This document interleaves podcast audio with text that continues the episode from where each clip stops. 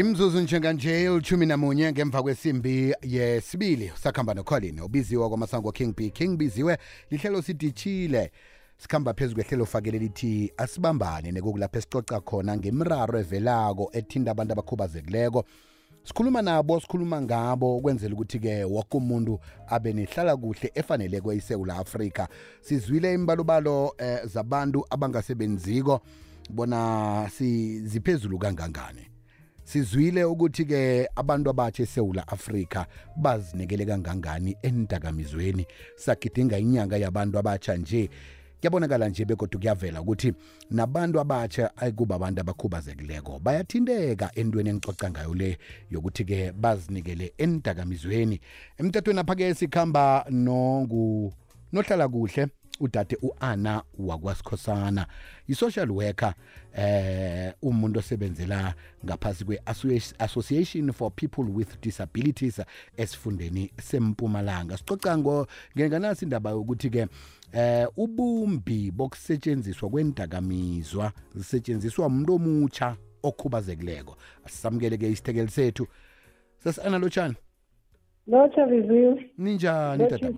Sikhona njani? sithokoze Yes. yibo salotshisa ekhaya Oh ngilotshisa nomlaleli ekhaya. ahake Yes. yeyi eh inyanga yabantu abatsha siyezwa ukuthi nithwele budisi ngomsebenzi wenu wokuba bonohlala kuhle ngendaba zokuthi nabantu abakhubazekileke kuba abantu abatsha bangene kangaka endakamizweni ungasicocela nje ukuthi eh umraro lo mumbi kangangani ukufika nje nasicala nembalobalo Hey ukuba- u- ukukhuluma ngembalobalo biziwe sithola ukuthi inani labantu abakhubazekileko abathatha indakamizwa liya ngokwanda. mm Mara lokho kwenziwe ukuthi u- u- ngizathi kugandeleleka emkhumbulweni ngoba sikhumbule ukuthi umuntu omutsha okhubazekileko ngomningi babo uthola ukuthi abahoni nokuceda isikolo nesigatsho nje sithi ugrade ugrade twelve ngoba esikolweni abangani babo baya- bayabandlulula ngokukhubazeka kwabo. Bese lokho kubenza ukuthi ba- ba- ba- baphume esikolweni bangacedanga sele bangasahonanga ukuceda isikolo baba nomraro-ke wokuthi ba- ba-ajaste empilweni uyayibona? Bese bathatha indakamizwa njengendlela yokukhohlwa ngobuhlungu babo bokuthi bona bakaceda umatric namkhana bona basebenzi mlaleli kwekwez f m nawe siyakumema-ke nayikhibe umuntu okhubazekileko ungasidosela nayikhibe uyayazi eh i- ikinga namtshana umraro esicoca ngawo lo.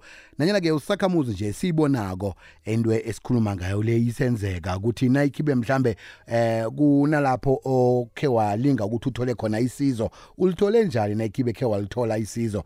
Ngokubona-ke umuntu okhubazekileko asebenzisa indakamizwa namtshana umuntu okhubazekileko okhe wazisebenzisa indakamizwezi uphume njani? Nayikhibe usesinomraro njalo nalapho sidosela usitshele ukuthi ngengiliphi isizo olihlogako ungadosela ku-086 000 3278 086 000 3278 nanyana-ke uthumele iphimbo lakho ngewhatsapp 079 413 2172 sikhambisana nomuntu oza kusiza la udade u-ana wakwasikhosana eh, ungunohlala kuhle ngaphasi kwe-association for people with disabilities. Sifuna ukuthi-ke sisizane nawe mntu omutsha eh ukuthi ukhona ukuthi uphume emrarweni efana naleyo um sesana siyazi ukuthi indakamizwa ziyabiza alo ngokuthi ngokubona kwenu imali ibuyaphi umraro kuba ngilowo-ke esiwutholako ukuthi sithola ukuthi ngomningi uthola umuntu omutsha okhubazekileko sebatholakala abajame endleleni mm. nedi for ukuthi bakhona ukubawa Hmm.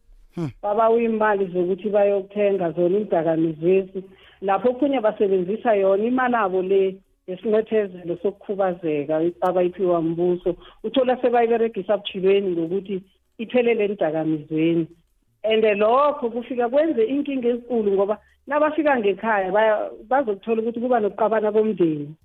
Ngoba umuntu uya- uyayithola intwanyana efanele imphilise yena uyicedele endakamizweni bese kuyabuya kuba mraro wona lowo ukuthi akasasapoti ekhaya. Nakungibaba umuzi ngithola kuba nezahla isukaniso ama-divorce ngayo indaba ukuthi manje sekunenkelede ngendlini imali ayisangeni imali iphelele endakamizweni mraro omkhulu ke sicalene nawo lo eh ukhe wabala indaba yokuthi eh ezinye zezinto ezenza ukuthi bagcine bangena enidakamizweni kukobana ke bayakhethululwa endaweni abaphila kizo. Mhlambe ke ama cases evaneni wathole namtjana ke i- indatshana efanele izizwe ngabo eh ba bahlukunyezwa namtjana baxhoriswa bobani? Eh biziwe ngingasho ngithi kuthoma ngikhaya ngendlini. Mm kuthoma ngikhaya uthola umzali umntwana abizwe ngokukhubazeka kwakhe. Into leyo ikhula isilonda emntwaneni sokuthi umntwana ubizwa ule- uyalebulwa. U- short nje mangatsho ukuthi masi nathi simphakathi masingababizini ngokukhubazeka kwabo ukuthi wena njani njani njani uyayibona. Ngoba lokho ku- kubenza ukuthi bafile bangamukelekanga emphakathini. Siye nenkolweni mara enkolweni senza sure ukuthi siberegisana nenkolo senza ama-awareness kwabanye abafundi ukuthi bamphatha njani umuntu okhubazekileko? Bazi ngokukhubazeka? Bangacabangi ukuthi mhlambe umuntu onjengaloyo sisifo esithile or izekeza so siyawubawa nje nomphakathi ukuthi asiberegisaneni. Khona indlela iseseyide mara kancane kancane siyazama ngama-awareness ama-door to door visit siyawenza ama-awareness enkolweni ngisho nemasondweni siyawakhambela amasondo ukufundisa abantu ngokukhubazeka nokuphatha kuhle abantu abakhubazekileyo omunye angavela nje athi eh, ngibawa ukuthi eh, ngingaveli ngaphambili kodwa into engiyibonako kunomuntu okhubazekileko osebenzisa imali yakhe isibonelelo ebutsholweni uyabona ukuthi akasazihlogomeli nokuzihlogomela eh ngiba ukuthi ke khe ngibe nendlela yokumsiza. Kodwa ngifuna ukuthi kube ngimo ovelako kube ngasuthi ngicabhele endabeni zabanye abantu. Wenzani umuntu onjalo? Umuntu onjalo biziwe unelungelo lokuthi aye bona ohlala kuhle abaseduze naye and uvumelekile ukuthi angavezi ukuthi yena ungubani. Uyabona? Abe anonymous azireporte icase abona ohlala kuhle bona bazolandelela ukuthi yena uzabapha nje i-address ukuthi emzini othile ngisuspecta ukuthi kune-case so so so. So igama lakhe angeke livezwe kuyilungelo lakhe lokuthi igama lakhe lingavezwa. Sibone ohlala kuhle siyamvakashela umuntu loyo sizenzele thina ama-assessment bese si- siya-intervina-ke ukuthi umuntu lowo usizakala njani. Omunye umuntu uthi yazi siyezwa ukuthi kunama-social worker kodwa siwazi ukuthi atholakalaphi Li- likuphi i-ofisi lama-social worker lapho engiza kuthi nangifika khona ngikhonjwe khona ukuthi kungapha? Eh ngingatsho ngithi thina biziwe njengoba ngila ngibase e-provincial office embombela.